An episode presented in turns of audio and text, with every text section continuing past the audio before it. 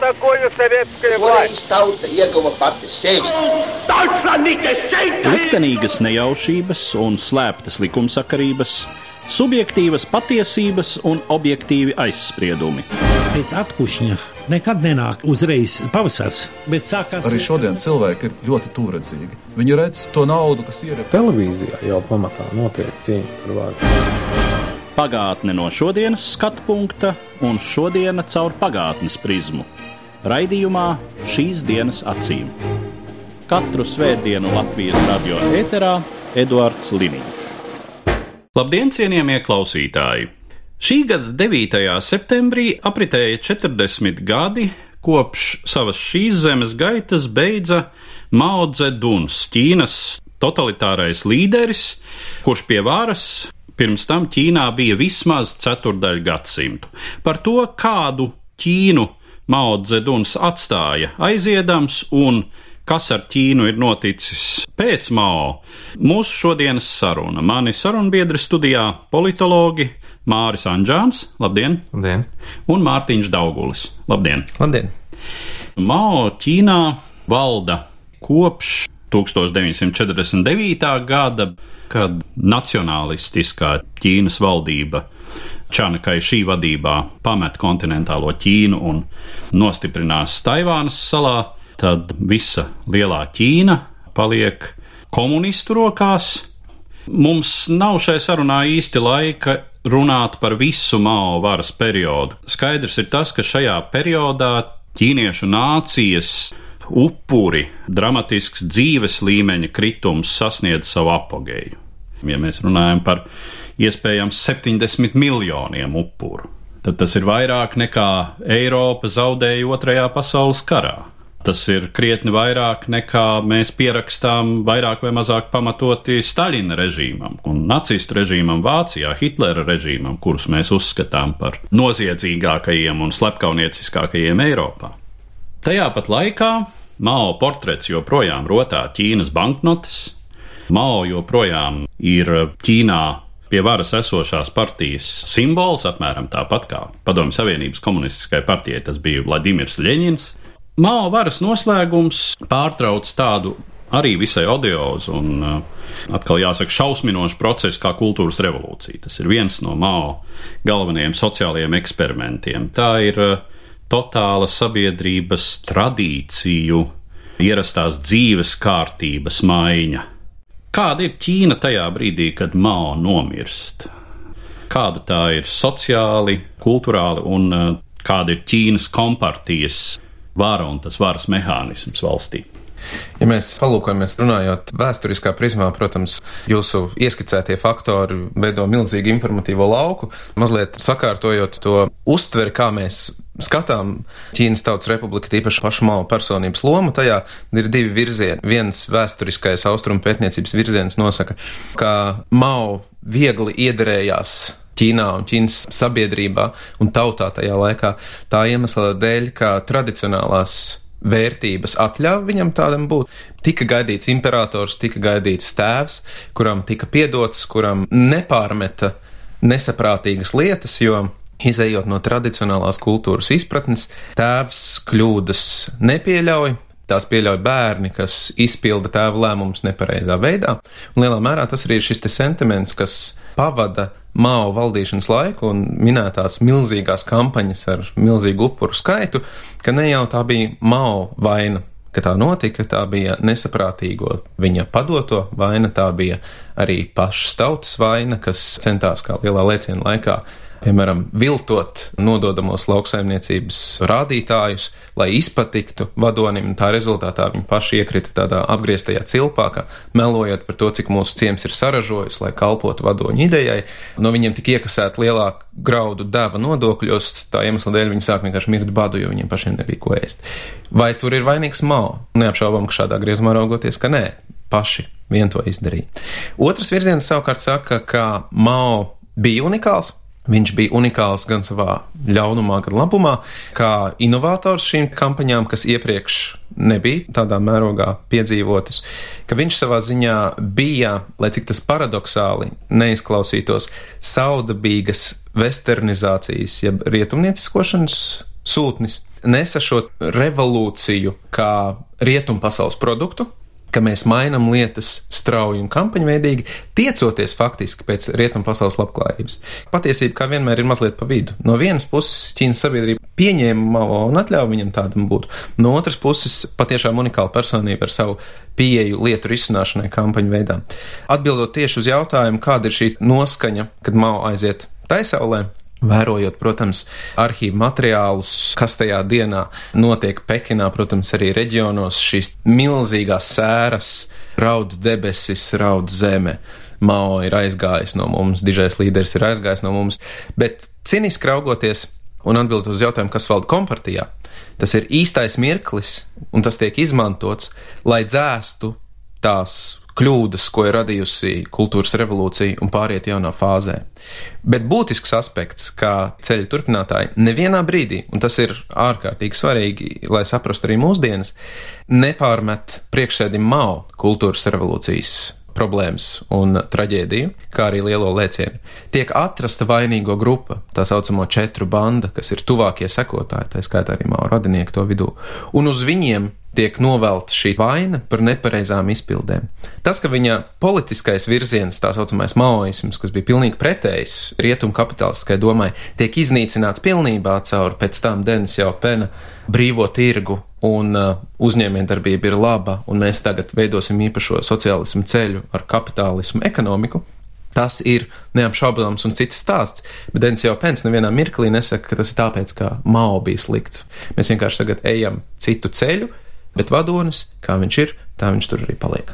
Mums ir tāds diezgan aptuvens priekšstats par to, kas tad ir maoisms. Kā zināms, šis ideoloģijas virziens, nu tam ir sekotāji varbūt margināli, bet arī ārpus Ķīnas. Maoismu būtiskais elements būtu vislabāk raksturojams paša priekšsēdētāja citātā, ka ideoloģiskie un politiskie lēmumi vislabāk ir piegādājami caur šauteņu stobru.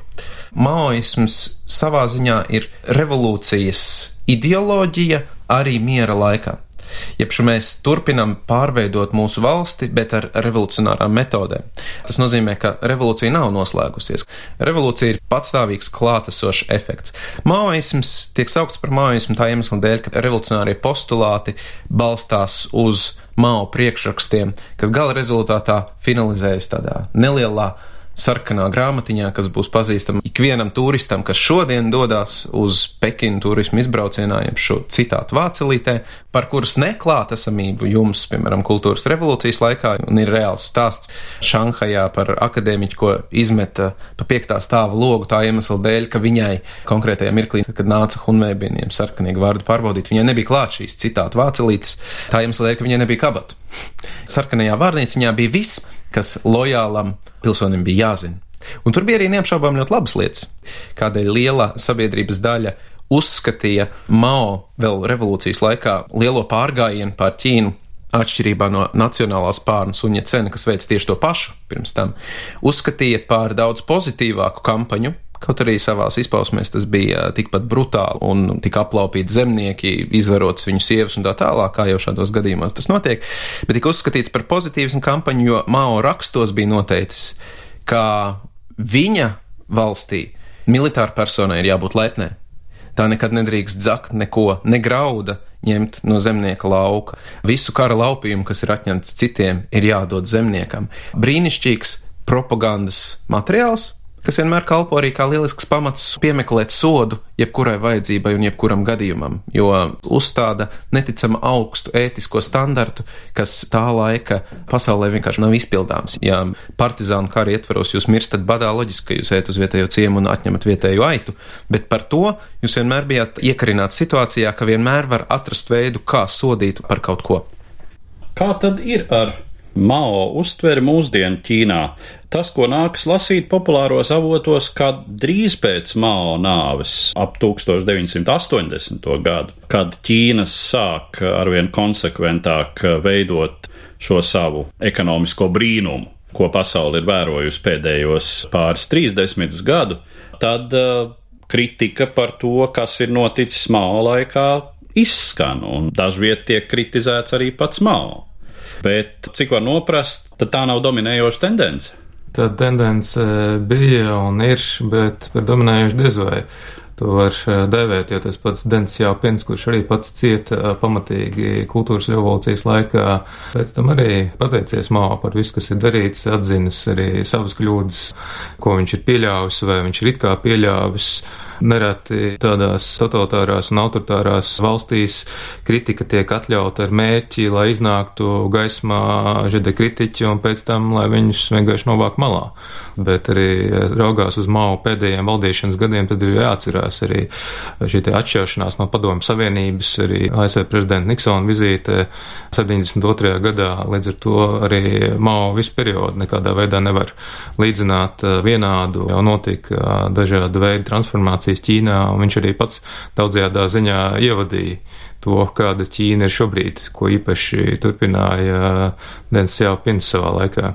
Jāapzinās arī, ka šīs pārejas, ko mēs esam pieraduši zināmā mērā vienkāršot uz ekonomikas ceļu, ka mēs ejam tagad uz atvērtu tirgu, iekšējā politiskajā elitē vienmēr tās ir pavadījušas diskusijas, vai šim ekonomiskajam ceļam ir jāsako līdz arī politiskajam. Tādā ziņā Dens Jāpens nepieņēma viennozīmīgu lēmumu, tas drīzāk bija eksperiments par mata tiesu no cita ceļa, kas tika definēts politiskā elitē. Ja mēs varam vaļā ekonomiku, varbūt mums ir jāver vaļā un jāskatās tālāk arī uz politiku, vai tas, kā atvērsim ekonomiku, nenovedīs pie tā, ka radīsies drauds režīmam politiskajā ziņā. Klausītājiem Ja ir padziļināta interese par šo, tad angļu valodā tas saucās grand debate, jeb arī krievu literatūrā līdzīgi. Tās tiek sauktas par lielajām diskusijām, kurp Ķīnai virzīties. Tad, kad Mao aiziet aizsaulē, ir pirmā lielā diskusija, kas tā tiek saukta. Mēs atveram tirgu, kas tālāk. Šī atvēršanās notiek tālāk, un pagrieziena punkts ir ķenelmena laukums un masu apspiešana. Šis mirklis tiek saukts par otro lielo diskusiju, kad tiek izlemts, ka nē, mēs apspiežam, un politiskajā ziņā nebūs nekādu vaļību, un šī ideja balstās tajā pašā maoismā savā ziņā.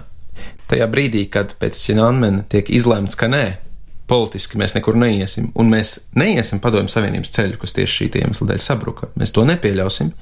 Tajā brīdī Mao vārds atkal tiek iekalts nemaināmā akmenī, jo visa šī ideja balstās uz to, ka mūsu režīms politiski ir komunistiskā partija, tas ir vadonis, un tā ir šī mūsu noslēgtā savā ziņā un nemainīgā ideoloģiskā būtība.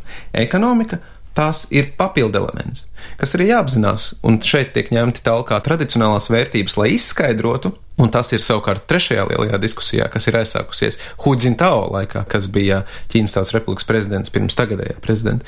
2004. gads aptuveni, kur tad Ķīna iet, kā viņai redzēt sevi pasaules kontekstā un tā tālāk un tā joprojām, ka tiek skaidrots, ka ekonomika un brīvais tirgus nekādā veidā nav rietumu kapitālismu pārņemšana tā ir Ķīnas tautas tradicionālo vērtību turpinājums, jo viņi tirgošanos zināja krietni agrāk kapitālismu izpratnē, kā rietumi vispār sāk ar to spēlēties. Politiski un ideoloģiski mēs esam maoisti savā būtībā, ekonomiski mēs esam tradicionāli, jo tirgu mums neviens nevar atņemt.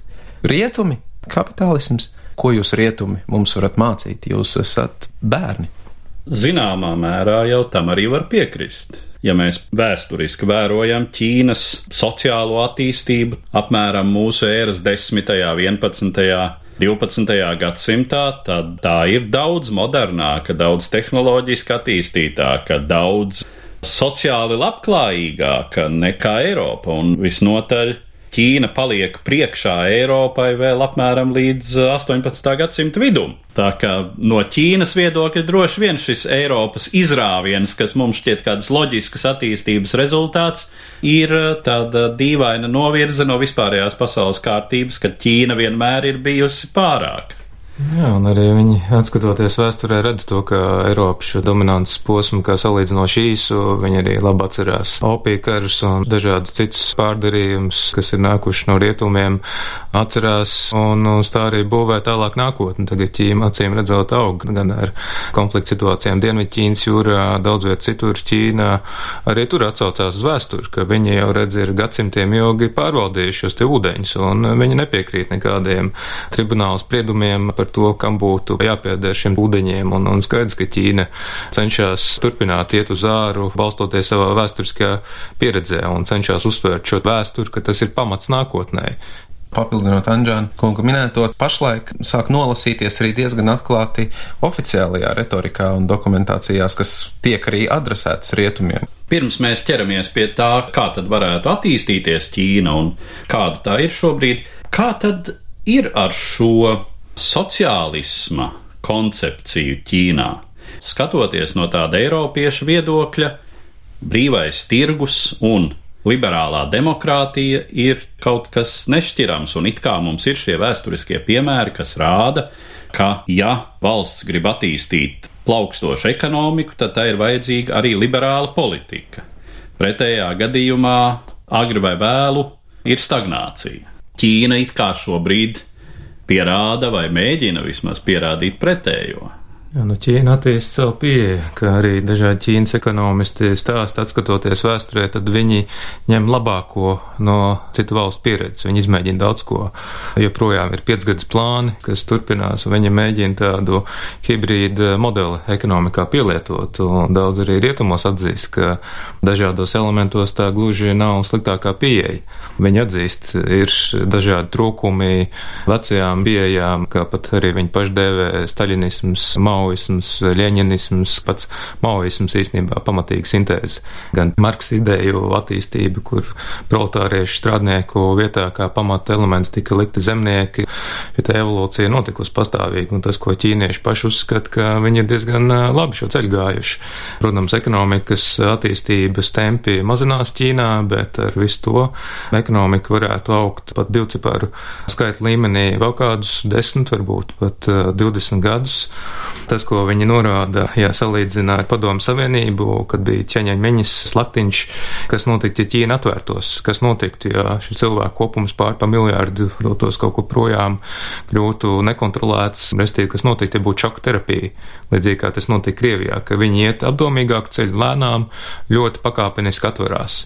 Un arī ciemojoties Ķīnā, man daudzajā ziņā pārsteidza satiktie cilvēki no Ķīnas komunistiskās partijas. To skait jauni cilvēki, ļoti rietumnieciskā apģērbā ar labām angļu valodas zināšanām, daudzajā ziņā pat amerikāniskāk, varbūt kā viens otrs amerikānis. Un tādos brīžos rodās sajūta, ka Ķīnas komunistiskā partija daudzajā ziņā komunisms vairāk ir tikai vārds, un ka šī partija ir saglabājusi izveidojusies, ka varas elite, kā cilvēku kopums, kas tur savās rokās valsti un kur nav vairs tik būtiska nozīme ideoloģiskiem pamatiem, aizvien lielāka nozīme atgriežas Ķīnas vēsturē, vēsturiskai izpratnei un tālāk evolūcijai, ka tas ir tāds kā orgāns, kas kontrolē valsti un viņu turpina atvērt.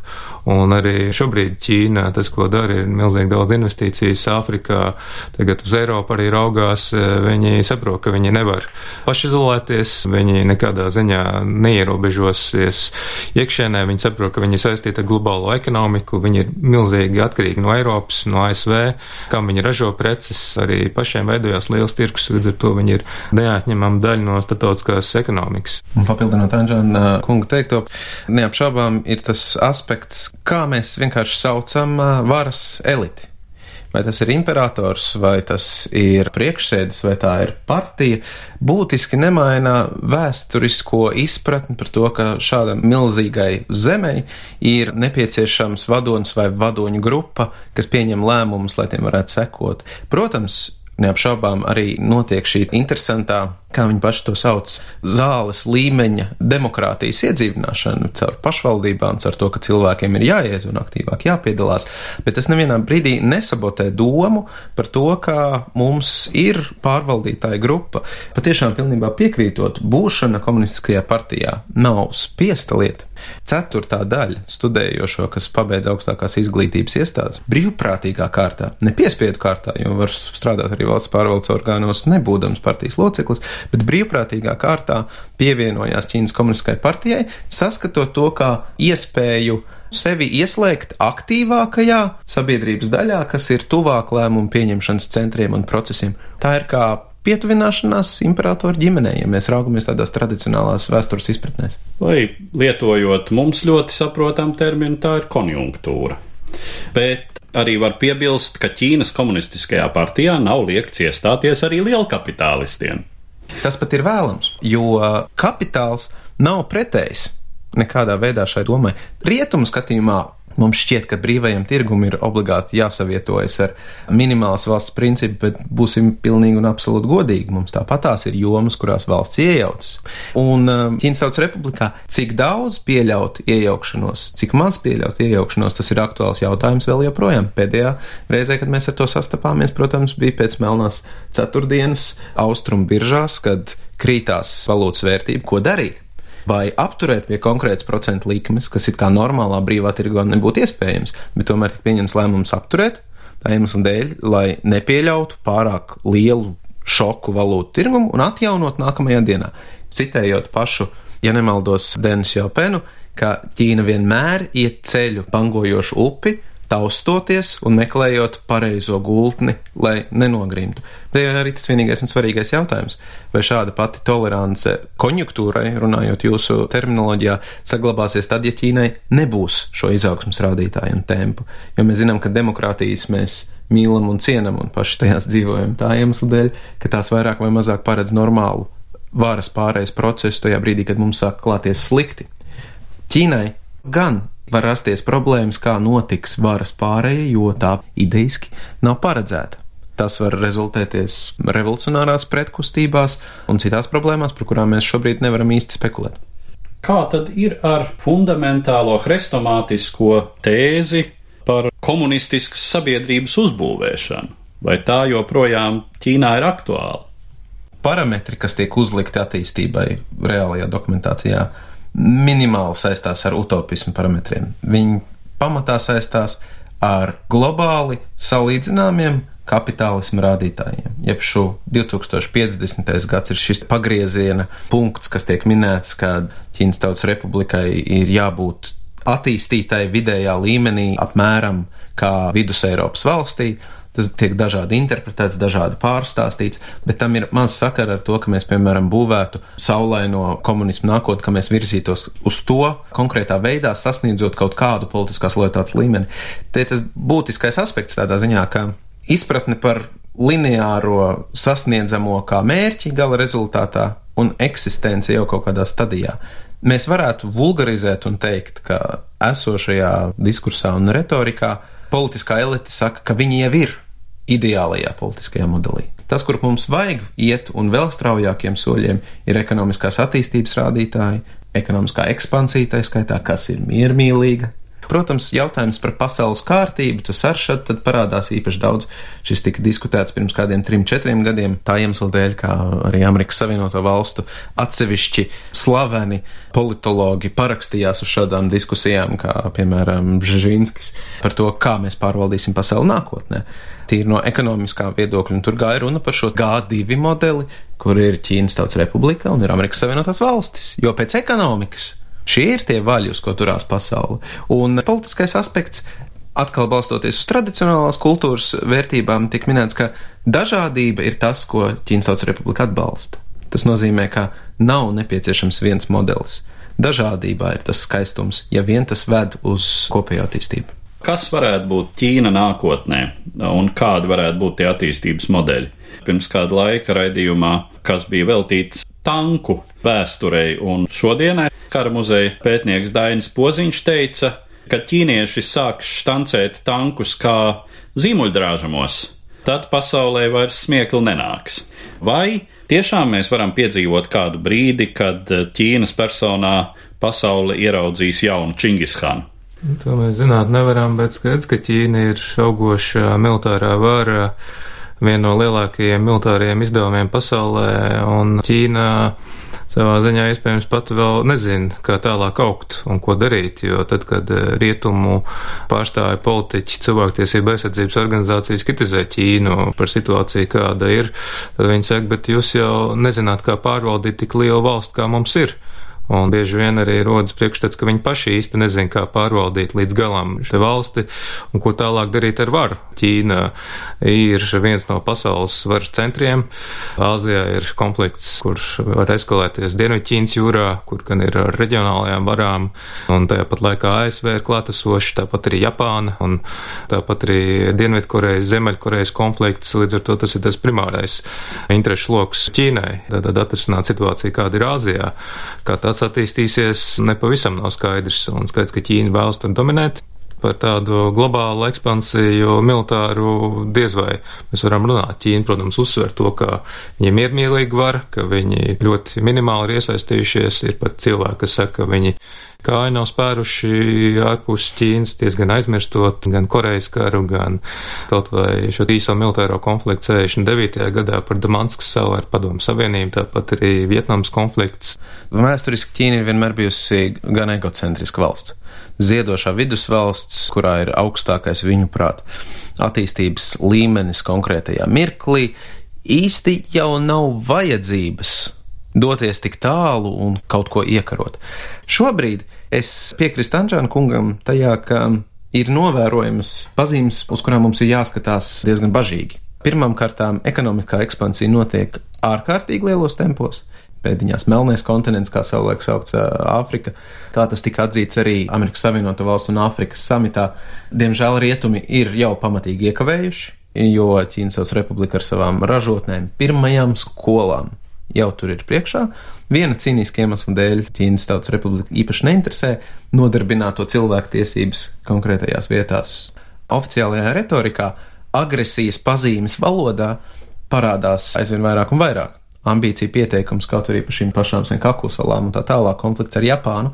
Tā ļoti vulgarizējot, neaiztieciet mūsu interešu zonas, mēs varam iedot arī jums pa nagiem. Ne tikai ekonomiski, paplašinot savu kodolu, bet arī militāri esot gataviem to aizstāvēt. Jautājums par globālu militāru ekspansiju pagaidām militārais pārsvars vēl joprojām ir rietumpusē. Jautājums, jā, tas izlīdzinās, bet vai mēs vispār šodien varam runāt par tāda veida karu, ko mēs saprotam ar karu, tādā izpratnē kā otrais pasaules karš, piemēram. Tas, es domāju, ir atsevišķs diskusijas jautājums. Skaidrs, ka Ķīna saglabās aizvien lielāku, arī palielinās militāro klātbūtni savā reģionā. Ķīna attīst savus spējas, būvē jaunus aviācijas bāzes kuģus, kas attiecās uz ekspansiju, tad, protams, ne jau militāri līdzekļi būtiskākie mūsdienās - politiskā vai ekonomiskā vara. Tas, ko Ķīna šobrīd arī dara ne tikai arī Āfrikā, kur ir pietiekami labi nostiprinājusies ar investīcijām, ar dažādām rūpnīcām, bet arī Centrālajā Austrumē Eiropā - 16 plus 1 formāts. Mēs arī šogad vēl gaidām Ķīnas Ķīnas premjeru uh, Likicianu Latvijā, tāpat arī būs biznesa fórums, domnīcas konferences. Ķīnai milzīgi interesi arī par šo reģionu, kādā veidā nākt šeit ar investīcijām, kādā veidā šo milzīgo naudu, kas ir akumulēta no 70. un 80. gadiem, kā viņai likt strādāt, kur to naudu investēt. Tās nav tik daudz Baltijas valsts vai Višegradas valsts, kaut gan arī var runāt par Ungāriju, bet pamatā Balkānos, kā Serbija, kas cenšas milzīgas investīcijas piesaistīt. Viņiem naudu citur nav kur ņemt, un tad Ķīna ir tas, saka, investīcija avots, bet ar saviem noteikumiem. Mēs investēsim, bet pārskatāmā nākotnē šīs investīcijas tiks uzturētas par mūsu naudu. Ķīna nāk būvēt kādu dzelzceļu lidostu, tad brauc arī viņu strādnieki, tiek būvēts ar viņas izējuma materiāliem, un pēc tam arī tiek uzturēts. Tā, tā jau ir arī sava veida nākotnes globāla ekspansija un kontrola.